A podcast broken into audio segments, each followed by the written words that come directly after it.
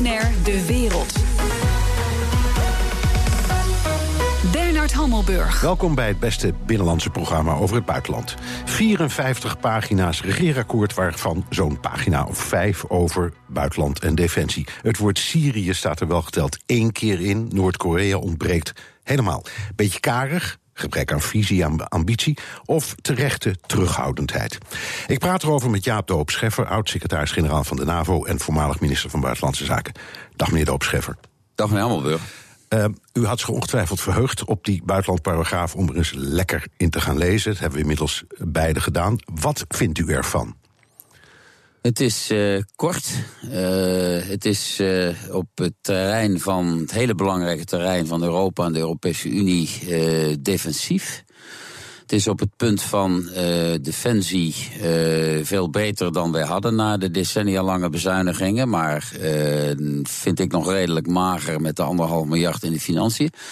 En ontwikkelingssamenwerking is een cijferspaghetti, uh, waar ik ook na vijf keer lezen. Nee, ik ook. Dus ja, daar staat, dan, daar staat dan dat die gaat weer naar 0,7% van het bruto nationaal product. Minus uh, 1, zoveel ja. miljard. Daar snap ja. ik ook niets van. Nee, daar begrijp ik niets van. Ik begrijp van de hele passage niets. Uh, ontwikkelingssamenwerking blijft een zeer belangrijk beleidsterrein. Maar ik hoop dat in de debatten die gaan volgen. Daar helderheid in komt. Want het is zo, in ieder geval voor mij als toch niet helemaal onvoorbereid lezer, niet, niet te begrijpen. Nee, nou laten we even een paar dingetjes bekijken. Veel algemeenheden. We zijn allemaal voor vrede. Ja, haalt je de koekoek. En het liefst bereik, bereiken we die in samenwerking met de NAVO, de EU, de VN. Of, als ik het zo stel, maak ik er dan een karikatuur van. Nee, het is, kijk, we moeten beginnen met de stelling uh, dat de marges voor een eigen Nederlands-buitenlands beleid uh, natuurlijk redelijk smal zijn. U noemde net in uw inleiding al even Syrië en, en Noord-Korea. Als er al Europees beleid wordt gevoerd, sprak hij wat cynisch ten aanzien van deze twee landen, dan is dat toch in allereerste instantie niet een Nederlandse zaak, maar een Europese zaak, zaak van de Europese Unie. Dus dat wij niet roepen in een regeerakkoord, de coalitie niet roept, uh, uh, wij moeten Nederland iets doen aan Syrië of aan Noord-Korea, dat begrijp ik wel. Uh, dat wij binnen de bondgenootschappen blijven, begrijp ik ook. Dat is een constante in het Nederlands buitenlands beleid. Maar en daarom noemde ik net de Europa-passage defensief. Als je kijkt naar wat er de komende jaren gaat gebeuren. We hoorden net over de totale impasse in de brexit. Drama, die brexit op zichzelf. Maar als het Verenigd Koninkrijk de Europese Unie verlaat... dan wordt Europa continentaler. Dan gaat het om Duitsland en Frankrijk. En daar had ik graag wel wat meer over gezien. Ja, wat Nederland dan zou moeten doen. Ja, en u noemde ook even Syrië. Je kunt zeggen, ja, daar, daar, spelen wij maar een hele bescheiden rol. Aan de andere kant, over migranten en, en, vluchtelingen wordt enorm veel geschreven. En daar is een directe samenhang. Dus ik had Absoluut. me ook kunnen voorstellen dat, dat zo'n kabinet dan ook wel een visie geeft over hoe dat, die kwestie in Syrië loopt of moet worden ingewikkeld, moet worden ingevuld. Ja, maar in ieder geval zou ik uh, willen zien dat men dan zou opschrijven... Uh, wij zetten ons in het verband van de Europese Unie uh, in voor, voor Syrië. Nogmaals, we hebben in Syrië jarenlang geroepen... Assad moet weg en wij dachten dat dat dan beleid was. Nou, dat is een misverstand gebleken, want Assad zit steviger in het zadel... dan een jaar of twee jaar geleden. maar er zal hopelijk, na een half miljoen doden... eens een einde komen aan, aan de strijd in Syrië. En dan zal ook de Europese Unie een belangrijke rol moeten spelen, ja. inclusief Nederland. U en ik hebben het woord Syrië één keer gevonden in, uh, in het, uh, het hele document. Uh, er staat wel één zinnetje over Nederland dat in de Veiligheidsraad komt, waar, waarvoor enorm gevochten is voor die zetel. Maar er staat alleen maar dat Nederland zich daar druk zal maken over de strijd tegen IS en de berichting van IS-strijders. En verder helemaal niks. Is dat, dat is, dat is dat, toch raar? Ja, dat, dat, is, dat is weinig, want daar kun je natuurlijk, uh, hoewel uiteraard als niet permanent lid, daar speel je echt het grote spel mee. Dus het is op zichzelf uh, belangwekkend dat Nederland in de Veiligheidsraad zit.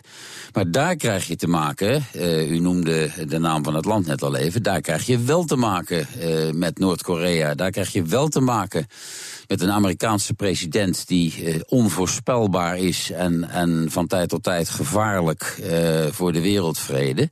Dus daar zul je als Nederland, eh, als niet permanent lid, wel degelijk je positie moeten bepalen. En dat gaat inderdaad over de Europese Unie heen. Er zijn in de Veiligheidsraad altijd, zoals u weet, negen van de vijftien stemmen nodig. Nou, ja. van die negen kan Nederland er één zijn. Ervan uitgaande dat er geen veto's door de permanente leden worden uitgesproken, uiteraard. Maar daar speel je wel het grote spel, zij het op bescheiden wijze mee. Ja, er staan een paar dingen wel benoemd. Uh, het Israëlisch-Palestijnse conflict. Nederland steunt de twee-staten-oplossing. Ja, dat staat al jaren in alle regeerakkoorden volgens mij. We moeten afspraken maken met Vlaanderen en Duitsland over werk in het grensgebied. Uh, de berechting van de daders van MH17. Uh, de relatie met Venezuela, immers een, een buurland van het Koninkrijk. Dat staat er dan wel in. Dus ik vraag me dan af, waarom komen dingen er wel in en, en zulke grote dingen niet? Nou, ik vind MH17 wel een groot ding. Uh, dat, dat, is, dat is een dermate ramp en een dermate drama. Uh, daar moet nu juridische procedures over volgen. Dus ik denk dat ik dat ook erin zou hebben geschreven. In ieder geval MH17. Je kunt aan de andere kant, meneer Hammelburg, natuurlijk niet de vele theaters die wij bespreken in dit soort uitzendingen. Die kun je niet allemaal in een, in een regeerakkoord opschrijven. Mijn punt is, ik noemde net al Europa defensief. Mijn punt is. Je zit met een Europa waar de Britten uitgaan. Je zit met een president in het Witte Huis die totaal onvoorspelbaar is. Die nu weer roept dat hij veel meer nucleaire wapens wil hebben. Eh, die in zijn taalgebruik eh, het risico loopt dat hij verkeerd verstaan wordt in een ander land. Met alle eh, gevolgen van dien. Dat, dat is wat de nieuwe Nederlandse minister van Buitenlandse Zaken. en ook de minister van Defensie op hun bord krijgen. Maar dat kun je niet allemaal in een regeerakkoord laten neerslaan. Het, het, is, het is hoe groot of lang het ook is. Het is natuurlijk toch een beetje tele telegraaftaal. Het zijn, het zijn korte zinnetjes met weinig woorden. Maar wat had er dan, als het er nu had gelegen, uh, in die Europa-paragraaf wel in moeten staan? U noemt dat defensief. Hoe, wat had u willen lezen? Daar had ik graag willen lezen uh, dat uh, in Europa, of Nederland dat nu leuk vindt of niet, uh, Duitsland en Frankrijk de toon gaan zetten. En voor een deel al zetten. Zie de speech van president Macron. Merkel moet eerst in Duitsland een moeilijke kabinetsformatie door. Met, met de liberale FDP en de Groenen. Nou, die liberalen zijn niet zo pro-Europa. vroeger wel, maar nu niet meer. De Groenen wel. Maar hoe je het ook wendt of keert, en hoe moeilijk het ook in Duitsland zal zijn in die formatie, Merkel en Macron zullen de toon gaan aangeven. En dan moet je in Nederland afvragen, hoe willen wij zoveel mogelijk die tandem beïnvloeden? Nou, daar moet je bondgenoten voor zoeken. Daar moet je eh, gaan kijken naar eh, de Benelux. Daar moet je gaan kijken naar bondgenoten bij de Noordse landen, Baltische staten. Uh, en, dat had, en dat had best met zoveel woorden in mogen staan. Ja, ik vind dat een, een, een, een Europese strategie daar best, zij het beknopt, uh, in had kunnen staan. Omdat alleen maar nee roepen. En de Europa-paragraaf is een beetje samen te vatten onder, onder de woorden: nee, dit willen wij niet. Uh, daar kom je in de buitenlandse politiek, uh, zoals wij beiden weten, niet zo vreselijk ver mee. Je kunt beter bondgenoten zoeken. En dan tegen Berlijn en Parijs zeggen: maar wij hebben daar ook ideeën over. En onze bondgenoten zijn A, B, C, D en E. Ja, nou, en die Europa-paragraaf is nu een beetje: uh, we willen wel verder met Europa. We zijn gecommitteerd aan Europa. Uiteraard, de grote problemen kunnen niet zonder Europa worden opgelost. Maar wat doe je met een meer continentaal Europa, een onvoorspelbare president uh, en Duitsland en Frankrijk die die toon aangeven? Is zo'n regeerakkoord nou een soort bijbeltje voor de nieuwe minister van Buitenlandse Zaken? Of zegt u nee, op het moment dat je daar zit, dan, dan, dan, dan handel je naar bevinden en dan ga je je gang? Het is met Almenburg, zoals u weet en ik weet, uh, het is altijd in de woorden van de uh, naoorlogse Britse premier Macmillan een kwestie van events, my dear boy, events. Er komen gebeurtenissen waarop een minister en de Nederlandse regering moet reageren. Dat is nooit anders geweest en dat zal ook nooit anders zijn. Maar een regeerakkoord is wat dit betreft de uitgangspositie. Maar je kunt het allemaal mooi opschrijven. en wij konden het in de tijd allemaal mooi opschrijven. Maar de wereld zal er altijd weer anders uitzien op het moment dat er een minister op die stoel achter dat bureau nu in de Rijnstraat zit hier in, hier in Den Haag. Zo dadelijk. Beetje meer geld voor defensie, maar gaan we daar de oorlog mee winnen? BNR Nieuwsradio. BNR De Wereld. Mijn gast Jaap de Hoop Scheffer, oud-secretaris-generaal van de NAVO... en voormalig minister van Buitenlandse Zaken. Uh, meneer de Hoop Scheffer, we hadden het net over die buitenlandparagraaf kort. Uh, de, de defensie paragraaf is nog korter. Ik geloof één velletje, wel geteld. Uh, daar is de boodschap, ja, de defensiebegroting gaat omhoog... met anderhalf tot anderhalf uh, miljard per jaar, maar niet in één keer. Dus nee. dat gaat geleidelijk. Viel u dat tegen toen u dat zo las? Ja, het, het, als ik het me goed herinner, ik heb de tekst hier niet voor me, is het 900 miljoen oplopend tot anderhalf miljard in 2021, als ik het correct zeg. Ja, maar de, de, het, idee, het, idee, wat we steeds kregen was, in ja. de nieuwe begroting staat in één keer anderhalf miljard meer voor defensie genoteerd. Ja. En dat, is dus, dat gaat dus geleidelijk. Ja, dat gaat geleidelijk. Uh, ik zou uiteraard liever hebben gezien uh, dat het meer zou zijn. Uh, ik had gehoopt op in ieder geval de ambitie. Want dat wordt ook niet genoemd. Hè? Dat wordt niet genoemd de 2% bruto binnenlands product die de NAVO heeft afgesproken voor 2024. En ook niet de Europese norm. En ook niet de Europese norm, die ergens rond de 1,45% ligt. Dus dat vind, ik een, dat vind ik jammer. Dat vind ik een gemis, eerlijk gezegd. Uh, het is beter dan, uh, dan uh, de kaalslag die we de afgelopen decennia hebben gezien, waar alle partijen collectief verantwoordelijk voor zijn, inclusief de, de mijne. Maar ik had het financieel liever ambitieus gezien. Dat ja. stond ook in sommige verkiezingsprogramma's. maar ja, dit is, dit is wat het is. Ja, en er komt natuurlijk nog een defensienota. Dus het kan best zijn dat er ja, dan nog en, wat komt. Ja, en daar, daar, daar vind ik op zichzelf een positief punt dat men uh, zich realiseert dat, dat de grens tussen externe en interne veiligheid uh, dat die totaal vervaagd is. En dat je die twee terreinen in, veel meer in samenhang met ja. elkaar uh, moet laten zien. Eén vraag die daarmee samenhangt, buitenlandse missie, daar staat in het, in het regeerakkoord, die moet je voor langere tijd uh, kunnen aangaan en met voldoende omvang. En dat is logisch, daar hebben u en ik het wel eens vaker over gehad. Uh, het, het meedoen aan een missie voor één jaar en hem dan misschien nog eens verlengen voor één jaar, dat helpt gewoon niet.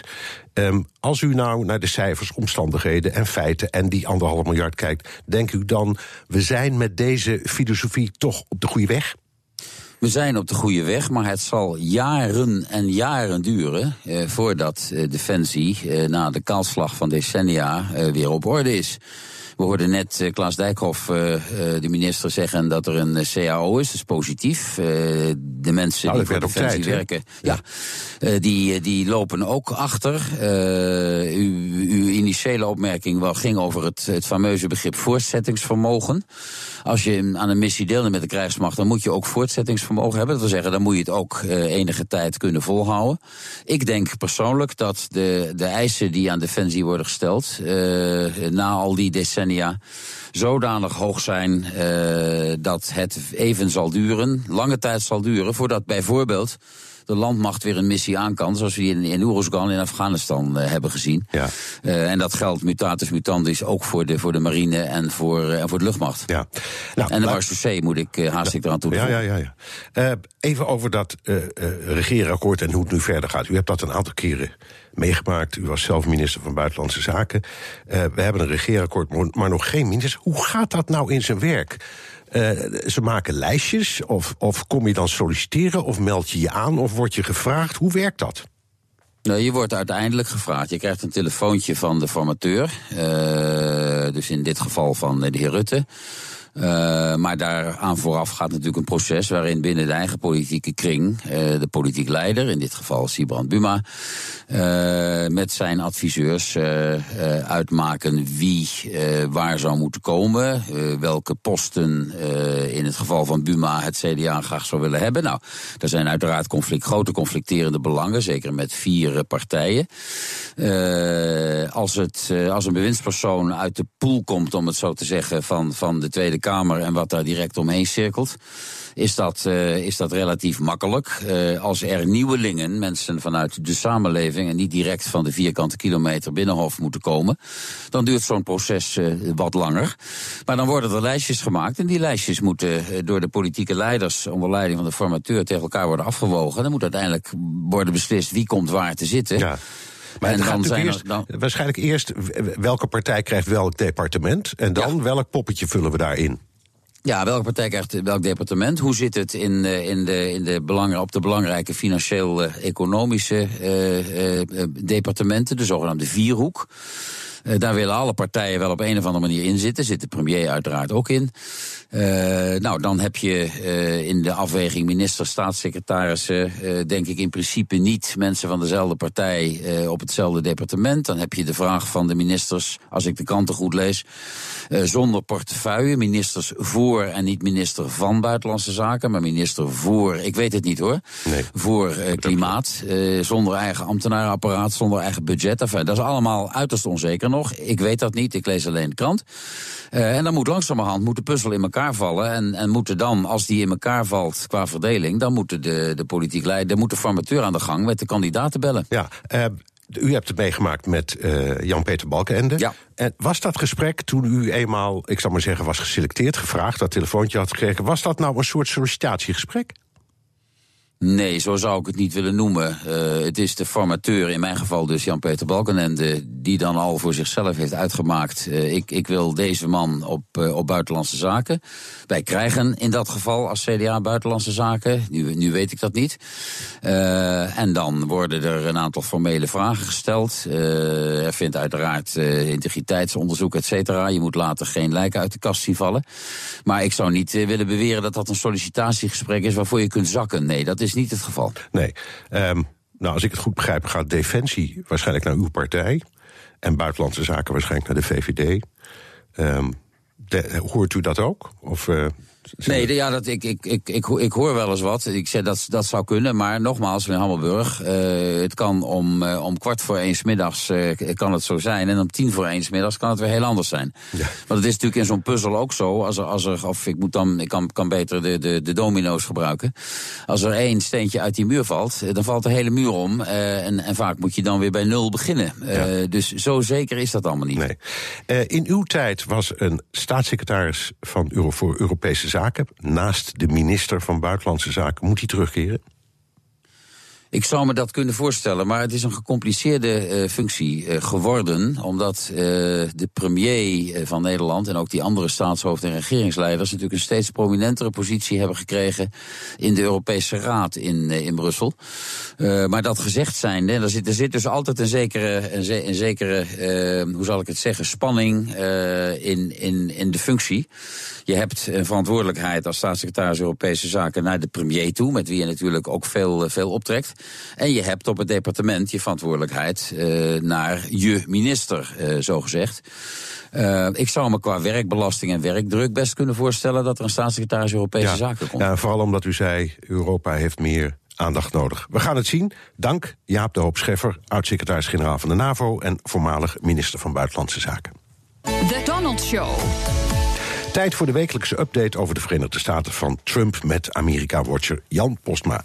Jan, president Trump zorgt voor een strijd bij de late-night shows. Ja, want het gaat weer goed met de kijkcijfers. En dan zie je vooral dat de, de politieke shows, eh, die meer politiek georiënteerd zijn, dat die het goed doen. Dus daar is nu echt een soort verschuiving, uh, zie je. Ja, ik denk Trump die geeft ze weer een beetje een doel, hè, een missie. Onder Obama kon je ook wel grappen maken, maar Trump is in alles extremer. Dus dan maakt het wat makkelijker om wat satire te En dat zie je ook bij de best bekeken show op dit moment, die van Stephen Colbert. Uh, die had het wat moeilijk toen hij begon. Hij veranderde van station, hè. hij liet zijn typetje achter zich. En toen kwam Trump. Nou, je ziet gewoon dat dat echt goed is voor de ratings. Is hij naar boven ge, gestormd. Uh, en het helpt dan ook als Trump de confrontatie zoekt. En ik zag nog een fragmentje uit mei. Toen stuurde Trump een boze tweet naar Colbert. Daar was Colbert erg blij mee. En dan legt, legt hij eigenlijk uit aan de president waarom dat goed is voor de kijkcijfers. There's a lot you don't understand. But I never thought one of those things would be show business. Don't you know I've been trying for a year to get you to say my name? and you were very restrained, admirably restrained, but now you did it. I won. Je hoort het bijna niet, maar dan fluistert hij I won. Nou, Colbert is dus populair. Op twee Jimmy Fallon en met stip op de derde plek Jimmy Kimmel.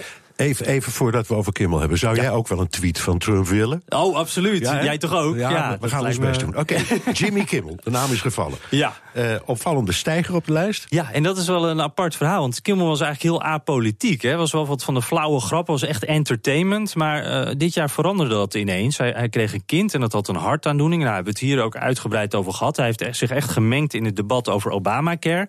En nu deed hij dat eigenlijk weer naar die schietpartij in Las Vegas. En dan uh, ja, gaat hij dus dus geen grappen maken, maar dan krijg je dit. We have children without parents and fathers without sons, mothers without daughters. We lost two police officers. We lost a nurse from Tennessee. Ja, heel emotioneel. Grappen maakt hij ook nog. Maar uh, ja, je ziet dan ook de kritiek hè, van... oh, weer zo'n linkse elitaire Hollywoodster... die zijn eigen agenda erdoor duwt.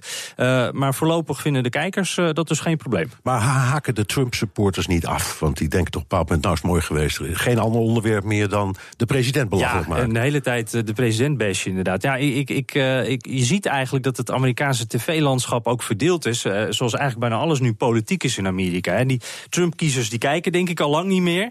En, en dat snap ik ook wel, want die krijgen best wel veel te verduren. Dit is bijvoorbeeld Stephen Colbert, die ik normaal echt misschien, ja, eigenlijk wel de grappigste vind. Maar, maar als je dit dan hoort. You have more people marching against you than cancer. You talk like a sign language gorilla who got hit in the head. In fact, the only thing your mouth is good for is being Vladimir Putin's holster.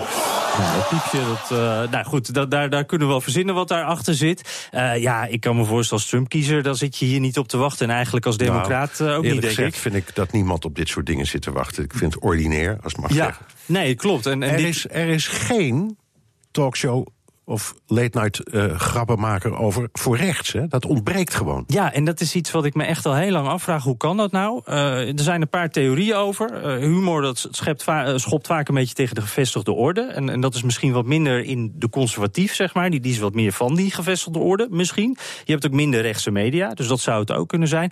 En ook de meest serieuze poging om dit op primetime te doen is mislukt. Fox News had ooit een programma, de Half Hour News Hour. Ja, daar keek niemand naar. Dus er was ook geen vraag Nou ja, uh, dit is denk ik ook niet het moment, want die Republikeinen die zijn ook verdeeld. Die zitten daar nu niet echt, denk ik, op te wachten op zoiets. Um, ja, je hebt gewoon een tegenstander nodig. En dan kom je weer bij Stephen Colbert nodig. Die, uh, die kom je dan weer, uh, uh, komt dan weer in beeld. Want dat is natuurlijk de man die die strijd heeft aangenomen tegen president Trump. En hij zegt van ja, als u mij wilt verslaan, president, dan is er wel één manier. Since all of my success is clearly based on talking about you, if you really want to take me down, there's an obvious way. Resign. Ja. Dat is de enige weg. Op inpakken en wegwezen, dat is ja. advies. Dankjewel, Amerika-watcher Jan Postma. BNR Nieuwsradio. BNR De Wereld. Bernard Hammelburg. Stapt Donald Trump Amerika uh, stapt Donald Trump uit het Iran-akkoord met uh, uh, zes andere landen. De spanning wordt er in Iran, met spanning wordt er in Iran naar het Witte Huis gekeken, maar ook in Europese hoofdsteden. Volgens Reuters vindt er vanuit Europa een gigantische lobby plaats om de Amerikanen binnen dat Iran-akkoord te houden. Jan van Bentum, buitenlandcommentator van het Nederlands Dagblad, welkom in het programma.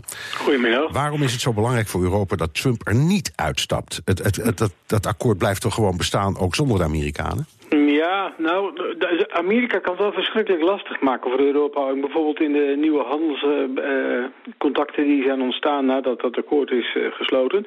Maar als Amerika eruit stapt, je ziet een vergelijkbaar effect met Noord-Korea. zowel Noord-Korea als Iran zien toch Amerika als de belangrijkste gesprekspartner, de belangrijkste vijand ook.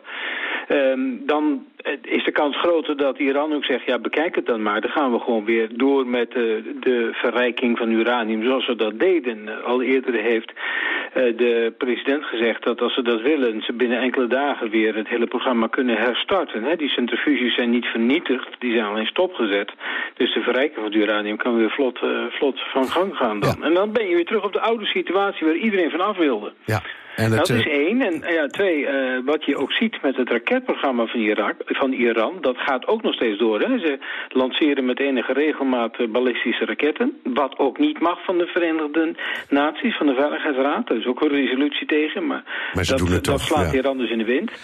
Um, en er zijn dat, daar, daar, daar, zijn strenge sancties over. Ja. En Amerika blokkeert het internationale uh, betalings-SWIFT-systeem van de internationale banken. Dus ja. het is erg lastig handel, handel drijven dan met Iran. Maar nou staat Trump op het punt om zijn besluit bekend te nemen. Snap jij waarom hij eruit wil? Want heel veel anderen zeggen, ja dat weten we allemaal wel... maar op deze manier functioneert het... en het is in deze omstandigheden beter om maar door te gaan... dan er zo abrupt uit te stappen. Ja, dat is dus de mening inderdaad van de meeste deskundigen. Zelfs met bijvoorbeeld van de voormalig hoofd van de uh, militaire inlichtingendienst in Israël... Amos Yadlin, die heeft net geschreven begin deze week in eh, de website van het, uh, van het Nationale Veiligheidscentrum in Tel Aviv, waar die directeur van is. Ehm, ja, het klopt dat Iran zich niet in alle facetten aan het akkoord houdt. Nee, we zijn er ook niet gelukkig mee. Maar alsjeblieft, stap er nu nog niet uit. Dreig er wel mee, zodat Iran wellicht gedwongen wordt zich er beter aan te houden. Want, en dat, dat onderstreept wel de kritiek van Trump... Uh, Iran is nog steeds bezig met pogingen om nucleaire kennis en materiaal... en ook kennis en materialen voor het raketprogramma in handen te krijgen. Dat melden verschillende binnenlandse inlichtingendiensten in Duitsland. Uh, deze week kwam bijvoorbeeld Noord-Rijn-Westfalen met, uh, met het jaarrapport over 2016. Zij zeggen dat in dat jaar Iran via allerlei schaduwfirma's... in de Verenigde Arabische Emiraten, Turkije en China... 32 pogingen heeft ondernomen om verboden kennis en materialen te kopen. Ja, allemaal mislukt dus. Anders... Dat is allemaal mislukt, omdat de inlichtingendiensten, de bedrijven hebben gewaarschuwd van hallo, uh, die klant is geen Chinees zoals u denkt, maar dat is Teheran. Dat mag je niet verkopen. Nee. Uh, nou ja, dat is dus een rare manier van je houden aan het, het akkoord, namelijk doordat de westerse inlichtingendiensten je de voet dwars zetten. Ja, goed. Dankjewel. Jan van Bentem, buitenlandcommentator van het Nederlands Dagblad. BNR De Wereld. Blik op Europa. De smerigste verkiezingscampagne die het land ooit heeft gekend. Nog drie dagen en dan gaat Oostenrijk naar de stembus. En met dank aan nep Facebook-pagina's lijkt de macht in handen te komen van Wunder Wutzi en een voormalige neonazi. Europa-verslaggever Jesse Pinster. Even voor de mensen die niet elk jaar in Oostenrijk op vakantie gaan... of niet elke dag daar naar de televisie kijken. Wat zijn Wunder Wutzi en wie is die neonazi? Ja, Wunderwutzi, dat is het, het, wonderkind van de Oostenrijkse politiek. Sebastian Kurz, we hebben het eerder over hem gehad... de 31-jarige leider van de EVP. Um, zijn partij die zit al in de regering sinds hij zelf vijf maanden oud was. En toch heeft hij het voor elkaar gekregen om een soort nieuw beeld te schetsen. Eigenlijk het nieuwe beeld wat hij schetst is gewoon de hele partijnaam en logo totaal te laten verdwijnen. Kan je ook niet terugvinden op de verkiezingsposters. En het draait allemaal om hem, om meneer Koerts. En eh, nou ja, blijkbaar werkt het. Hij staat er goed voor. Hij wordt waarschijnlijk de nieuwe premier in Oostenrijk. Dan de neonatie, dat is Heinz Christian Strache, of HC, zoals zijn fans hem uh, graag noemen. Dat is de leider van de rechtspopulistische FPE. De Süddeutsche Zeitung heeft een, een, een grondig tweeluik ook uh, erover geschreven. Hoe deze strache eind jaren 80, begin jaren 90 echt vrij diep in de rechtsextreme scene zat. Zowel in Oostenrijk als in Duitsland. Zelf bagatelliseert hij het altijd een beetje van ik was jong en ik was uh, nieuwsgierig. Heeft ook nooit zijn uh, nou ja, echt afstand daarvan genomen. Maar als je die reportages leest in de Süddeutsche Zeitung... dan zie je dat hij daar toch nou ja, uh, veel langer en veel dieper in zat dan hij zelf toe wil geven. Nou ja, beide heren die, hebben een, een behoorlijk streng anti-migratiebeleid wat ze nastreven. Behoorlijk anti-islam klinken ze ook. En samen staan ze op dit moment op 60% van de stemmen. Dus naar alle waarschijnlijkheid wordt dit een nieuwe coalitie in Oostenrijk. Ja, um, nog niet zo lang geleden, een half jaar geleden, wonnen de Groenen op het nippertje ja. En na allerlei gedoe de verkiezingen voor het presidentschap. Uh, wat is er met links gebeurd in dat land? Nou, met de Groenen, die, die zijn echt uit elkaar gevallen. Dat zijn twee partijen geworden die nu een beetje soort rond de kiesdrempel van 4 uh, procent uh, zweven. en dan heb je de Sociaal-Democraten, die leveren nu nog de kansler, de premier. nee, de Sociaal-Democraten doen het in heel Europa niet erg goed. Nou is er nog in dit geval een speciaal schandaal wat het allemaal nog moeilijker maakt en waardoor ze er nog slechter voor staan. Ze hadden een Israëlisch pol po politiek consultant ingehuurd, Tal Silberstein, die hebben ze een half miljoen betaald. Nou, die heeft wat advies gegeven, maar die had ook bedacht dat hij een paar Facebook-pagina's moest beginnen.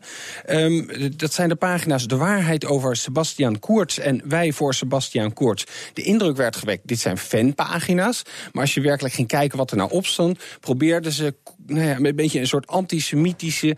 en zelfs hij wil Europa vernietigen toon aan Sebastian Koerts te koppelen. Nou, dat is een gigantisch schandaal geworden in Oostenrijk... en dat wordt de Sociaaldemocraten nogal aangerekend. Trouwens, de partij van deze Koerts die heeft ook nog een poging gedaan... dezezelfde consultant in te huren. Dus het kleeft ook nog weer aan hun een beetje. Ja, leven de hypocrisie. Laatste keer dat de FBU toetrad tot een regering was in 2000... en toen volgden er sancties door de Europese Unie. Ja. Daar hoor je nu niks over.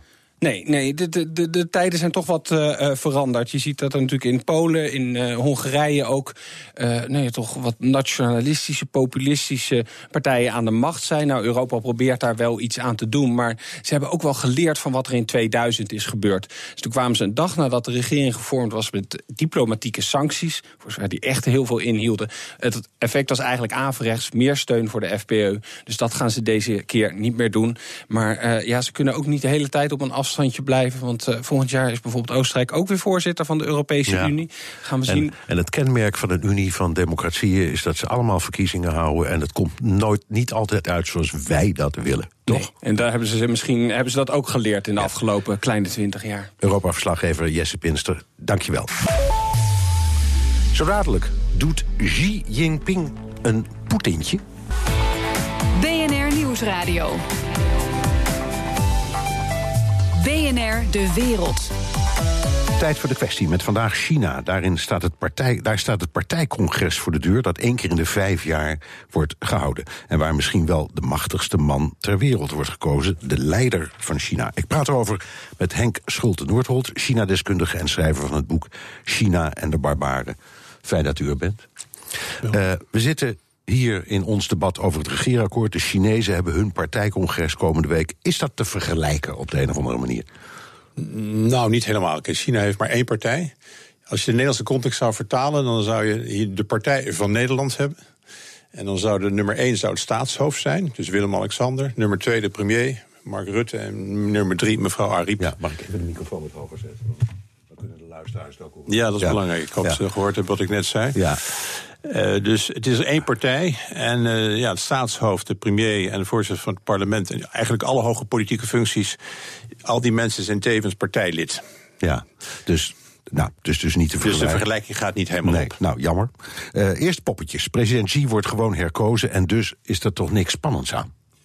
Nou ja, hij, wordt zeker herkozen, overigens tussen aanhalingstekens. Dat wordt helemaal, is al bekokstoofd. Maar wat men niet weet, omdat het zo'n onderzichtig systeem is, een proces, wie er hij om zich heen gaat verzamelen. Als ik enige context kort mag geven. Ja, Vijf jaar geleden was hij de nieuwe man, de coming man. Maar hij was eigenlijk schatplichtig aan de president voor hem... en vooral de president van de president daarvoor, Jiang Zemin. Dus alle mannen die hem omgaven in het politbureau... en het permanente comité van het politbureau... waren eigenlijk niet zijn eigen mensen. Dus men verwacht nu dat hij dat zal die oude, oudere garde is al deels verwijderd. Maar dat hij de, helemaal zijn eigen mannetjes zal neerzetten. En dus zijn almacht zal bevestigen. Maar wie dat dan precies zijn.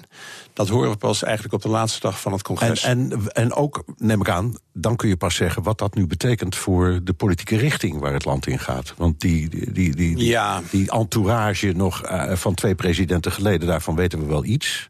Heb je enig idee? Ja, kijk, hij heeft heel erg zijn eigen stempel op, het, op, op China gedrukt. Hij heeft gezegd, het was te slap, uh, te onsamenhangend het beleid. Er was consensuspolitiek. Daar heeft hij een broertje dood aan. Hij moet het beslissen. En hij zegt, we moeten China weer op de benen helpen. Dat we, daar zit een binnenlands element aan en een buitenlands element. Ja. Het binnenlandse element is bestrijding van de corruptie. Daar is hij heel bekend door geworden. Daar is hij heel hard mee aan het Hard erin gegaan. En maar ook tevens al zijn politieke tegenstanders uitgeschakeld. Dat was een eh, aardige uh, bijkomstigheid. En buiten China wil hij China eigenlijk in zijn oude glorie herstellen. Ja. Um, een dictator verdwijnt niet zomaar van toneel.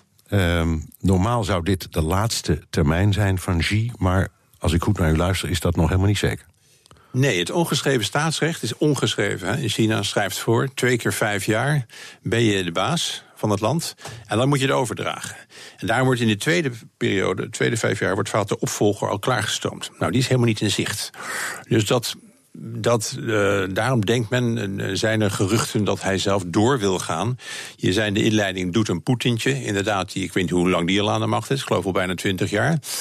Uh, dit zou best kunnen. Hij is, uh, zeker voor Chinese begrip, relatief jong, 64. dat hij na vijf jaar, als hij 69 is... dat hij dan nog, daar nog een termijn aan vastknapt. Zou ja. kunnen. Um, wat voor veranderingen kunnen we nou verwachten... als hij eenmaal zijn eigen entourage om zich heen heeft verzameld? Nou, hij heeft al, het zal een voortzetting en nog een, verscherping zijn van de eerste vijf jaar. Dus een schoon, een schoon, uh, een schoon bestuur, schone communistische partij, anti-corruptie, verhoging van de welvaart. Maar vooral het buitenlandse element, en dat is natuurlijk van ons van belang, zal zijn een, een herstel van de Chinese positie in Oost-Azië. Daar zie je nu al de tekenen van. Um, Zuid-Chinese Zee. Zuid-Chinese Zee is eigenlijk. China zegt: niemand mag aan onze soevereiniteit tornen. Nee. Alleen die soevereiniteit, dat wordt nogal ex, expansief uitgelegd. Gisteren is daar nog een, een, een Amerikaans oorlogsschip heen gevaren. Ja. Is, dat, uh, om, uh, is dat een boodschap aan dit partijcongres? Nee, nou, dat zou kunnen. Maar ze doen het al. Uh, Trump heeft eigenlijk beleid van Obama voortgezet: freedom of navigation. Um, dus China, de Amerikanen hebben een beleid dat wat volgens het zeerecht internationale wateren zijn, dat Amerika daar mag varen met zijn oorlogsschepen. En dat betwist China. Dus daar zitten zijn spanningen, maar ik verwacht niet dat die helemaal uit de hand lopen. Maar om terug te keren op soevereiniteit, zij zeggen dat gebied is altijd eigenlijk van ons geweest. Ons geweest. Ja. En dan moeten we het even niet puur in moderne termen verklaren, maar meer in pre-moderne termen. Die, die staten waren toen ook onafhankelijk, maar waren toch in hun buitenlands beleid in de invloedssfeer van. Ook dit doet erg aan Poetin denken trouwens. Die Ja. heeft ook de neiging om in de geschiedenis te zoeken naar het grote Russische Rijk. En dan zeggen het was eigenlijk altijd een onderdeel van ons. Ja. Dat gebeurt hier dus ook. En de geschiedenis wordt herschreven, ook Eh, waar nodig. Wat gaan wij ervan merken als Xi steviger in het zadel komt of langer blijft? Mm, nou, hij, er is een bekend, ook een ander initiatief, dat ik net niet genoemd. Dat is, wordt OBOR genoemd, One Belt, One Road. Dat zijn de nieuwe zijderoutes, één over zee en één over land. Die eindigen eigenlijk bij ons, bij West-Europa. Rotterdam of Infrastructuur. Londen, welke bron je leest. Ja. Ja. nou ja, dat betekent dat er erg veel infrastructureel werk gedaan moet worden. Daar kunnen Nederlandse bedrijven, misschien wij, hè, benoemen in Nederlands, Ja. neem ik aan, van profiteren. Niet als hoofd, maar wel als onderaannemer. En als het een beetje meezit, worden de, de routes ook korter. Als je een container per over land eh, per trein eh, verscheept, duurt het 16 dagen van West-China naar Rotterdam. Als je het over zee doet, is het 45 dagen. Dus dat zou nog de handelstromen, die toch al interessant zijn, kunnen versterken. Maar er is misschien nog een derde element, en dat is wat minder gunstig. Dat landen in Oost-Europa, die raken politiek in de invloedssfeer van China nu. Ja, belooft grote, die belooft grote investeringen daar. Ja, ik- Polen. Ja, ik las over een voorgenomen spoorlijn tussen, wat was het? Ja. Boedapest en... en Boekarest, eh, meen ik. Ja? ja, en dat, en dat wordt- zou- zouden de Chinezen dan gaan doen? Ja, ja. die financieren het deels, maar die houden ze dan niet aan de, aan de Europese aanbestedingsregels. Dus, dus ze, ze, ze, penetreren wel in dat machtsdenken en in Precies. En in, ze kunnen die EU, omdat wij toen niet echt een eenheid vormen, heel goed uit elkaar spelen. Laatst hebben de Grieken tegen een mensenrechtenresolutie gestemd, die China bekritiseerde omdat ze natuurlijk ook onder invloed. Piraeus, je noemt dat geloof ik al, of de haven van Piraeus is in Chinese handen. Dus op die manier, door die economische invloed, verwerven ze ook politieke invloed. Ik, ik wil toch even een positief vraagje stellen Ja, over. Je kunt zeggen, in, in, in de afgelopen periode is enorm geïnvesteerd in de armsten. Iets van 90 miljoen Chinezen. En, en die, zijn echt, die hebben het echt een stukje beter gekregen. En Ja. voor het eerst in, in 4000, 5000 jaar zie je iets wat Chinezen nooit hebben gehad, namelijk een middenklasse. Dat is toch prachtig nieuws? Dus die krijgt dan een, een, een circulaire economie. Eh, Het is gezond voor, voor alles. Ook voor die mensen zelf. Nee, absoluut. Maar dat is niet begonnen met Xi Jinping, als ik het even iets mag plaatsen historisch. Dat is eigenlijk begonnen met Deng Xiaoping, al begin jaren 80. De, het loslaten van de economie, even heel kort samengevat. Waardoor een enorme welvaartcreatie is ontstaan. Ehm, overigens heeft de jaren daarvoor Mao Zedong zelf die welvaart vernietigd. Dus we moesten weer opnieuw beginnen. Dat, is, dat, is, dat is inderdaad waar. Er zijn nog steeds wel armen, maar er is heel veel welvaart gecreëerd. Maar het fascinerende is dat, eh, het, dat die moderne economie wordt gekoppeld aan politiek, conservatief en zelfs een, een terugkeren naar de dagen van Ja, maar het verheffen van de, van de, van de laagst betaalde is ook een soort communistisch ideaal. Dus, dus wat dat betreft is het toch wel een, een mooie kant van het verhaal. Ja, dat is een mooie kant van wel. En die middenklasse, dat is inderdaad heel bijzonder. Ehm, en dat is het goede, maar dat is ook fascinerend. Wij denken in het Westen vaak, het, eh, je moet democratisch zijn om ook economisch succesvol te zijn. Als je meer dan 1000 dollar per jaar verdient, dan moeten er ergens democratische eh, dingen gaan gebeuren. En zij proberen eigenlijk het tegendeel te bewijzen. Ja. Dat is heel interessant voor wat er de komende eeuw Dus gaat gebeuren. zegt, even, dat kan niet anders, we hebben nog heel even, maar toch, Noord-Korea. Praten ze daarover op dat eh, partijcongres? Daar wordt niet officieel over gesproken, denk ik. Nee. nee. Eh, is het, is het een, nou wel of niet een vazalstaat van de Chinezen? in de Chinese beleving, uh, onbewust bijna wel, denk ik. Ze vinden het vervelend als de Koreanen hun eigen gang gaan. Maar dat is ook de, de mis, misverstand aan de Amerikaanse kant. Want ze denken, de Chinezen hebben alle invloed daar. Economisch ja, maar politiek nee. Er is, er is, het is logisch omdat, omdat uh, Trump denkt... ja, die militaire optie, daarvan zegt iedereen... dat vernietigt het hele schiereiland, dus dat kan ik niet doen. Dat kan niet doen. En dus moet China het oplossen, want ik weet ook geen andere mogelijkheid. Dat is volgens mij wat hij denkt. De Amerikanen altijd en, gedacht. Ja. Maar en hij heeft dus ongelijk en zijn voorgangers hadden ook ongelijk. Ongelijk, want je kijkt naar, teruggaan naar de jaren 30... De, de grootvader van de huidige meneer, Kim, uh, Kim Il-sung... die was al zeer anti-Chinees. En de hele geschiedenis is een wantrouwen en dat gaat weer verder terug in de tijd... toen inderdaad de Chinese keizer bepaalde wie er in Korea aan de macht was. Wat is de oplossing voor dat Noord-Koreaanse conflict? Ik heb net een rapport gelezen van een CIA-meneer George W. Bush. Die zei: eigenlijk moeten we het, het als een fait accompli accepteren dat er een nucleaire staat is. Um, op korte termijn, op lange termijn is de oplossing, mocht het regime vallen, dat Amerika en China conceptueel denken over het soort Korea dat het daar gaat ontstaan. Ja, maar dat kan alleen op het hoogste niveau dan? Alleen op het allerhoogste niveau. En er moeten veiligheidsgaranties zijn uh, voor, voor, voor China, want er komt een herenigd Korea. Dus Xi, op, Xi om tafel met Trump. Zien we het ja, dat ons? lijkt me mooi. Dat hebben we al een keer eerder gedaan dit jaar. Ja. Goed. Nou, laten we daar maar op hopen. Dank. Ik hoop het ook. Henk Schulte-Noordholt, China-deskundige en schrijver van het boek China en de Barbaren. BNR De Wereld. It's the economy, stupid. Waar het uiteindelijk in de politiek en in de wereld om draait, is geld. Paula Seur, economiecommentator, waarop houd jij vandaag jouw financiële oog? Nou, zoals elke dag op het hopeloze Brexit-debat. En, uh, maar nu ook over de, de gevolgen daarvan voor uh, de huizenmarkt in Londen. En want de afgelopen jaren was de huizenmarkt in, in Londen toch het toonbeeld van, uh, van oververhitting. Hè. Steenrijke Russen, Chinezen, Arabieren. Die kochten allemaal paleisjes op in de duurste buurten van, van Londen. Dus dat dreef de prijzen enorm op. En dat, ja, dat, het waren niet alleen voetbalclubs die ze kochten, maar, maar dus ook alle vastgoed in, in de hoofdstad. En vaak wonen ze er ook helemaal niet eens zelf, maar een paar weken per jaar of een paar avonden. Nou, dus er staan, dat, wel, staan wel hele spannende, peperdure race- en sportauto's ja, Ja, allemaal ja bij, de, bij de Ramadan Rush, hè, dan komen ze er ook langs. Laten die auto's ook allemaal uh, invliegen om, om daar rond te kunnen rijden. Maar je zag bijvoorbeeld ook uh, een kapitaalvlucht uit Griekenland. Hè, na de schuldencrisis daar, dat hele rijke Grieken hun geld liever in, in stenen in Londen staken. Om daar, ja, daar hun geld veilig op te bergen. En we hebben het er ook vaker over gehad in deze rubriek. Wat, wat dat deed met, met de woningmarkt in, in Londen. Dat is ook, ook een schrikbeeld hè, voor, voor Amsterdam. We willen hier geen Londense toestanden. En dat stond ervoor dat, dat straks kunnen alleen miljonairs of miljardairs nog een, uh, een woning betalen in het, in het duurste stuk van, van de stad. Dat, dat willen we niet. En het was zelfs zo erg dat in Engeland ongeveer de helft van de huizen drie jaar geleden werd aan buitenlanders verkocht. En zelfs van de allerduurste huizen, dus de huizen van boven een miljoen pond, daarvan ging twee derde naar overzeese kopers. Dus dat, komt, dat gaat helemaal niet naar, naar Britten toe. Met je begon, je zei, ik heb het oog op de, op de brexit. Daar komt nu een kentering in. Ja, want het is, het is voorbij met die explosieve prijsstijgingen in Londen. En ook met het tempo waarin huizen van, van eigenaar verwisselen. Want in het afgelopen kwartaal, zo werd vandaag bekend gemaakt, is maar een half procent meer woningtransacties plaatsgevonden dan, dan een jaar geleden. Dus vergeleken met een jaar geleden is er eigenlijk helemaal niks meer. Nee. De, dus de, de markt is, is stilgevallen, zou, je, zou je kunnen zeggen. En uh, dat, is, dat is op zich opvallend, want door alle gedoe over de Brexit is het. Uh, is Engeland heel erg goedkoop geworden voor Aziaten. Bloomberg heeft voorgerekend dat uh, een Hongkong-Chinees met een uh, 30% discount nu een, een paleis in, in de beste buurt van Londen zou kunnen kopen. Dus het is eigenlijk raar dat ze het niet doen. Maar één verklaring daarvoor is dat ze een paar jaar geleden allemaal een huis hebben gekocht al in Londen. Dus, dus ze, ze zijn, al. Ze ja. zijn en al even, even, even in twee seconden. Wat maakt het voor een Hongkong-Chinees uit, die hele Brexit?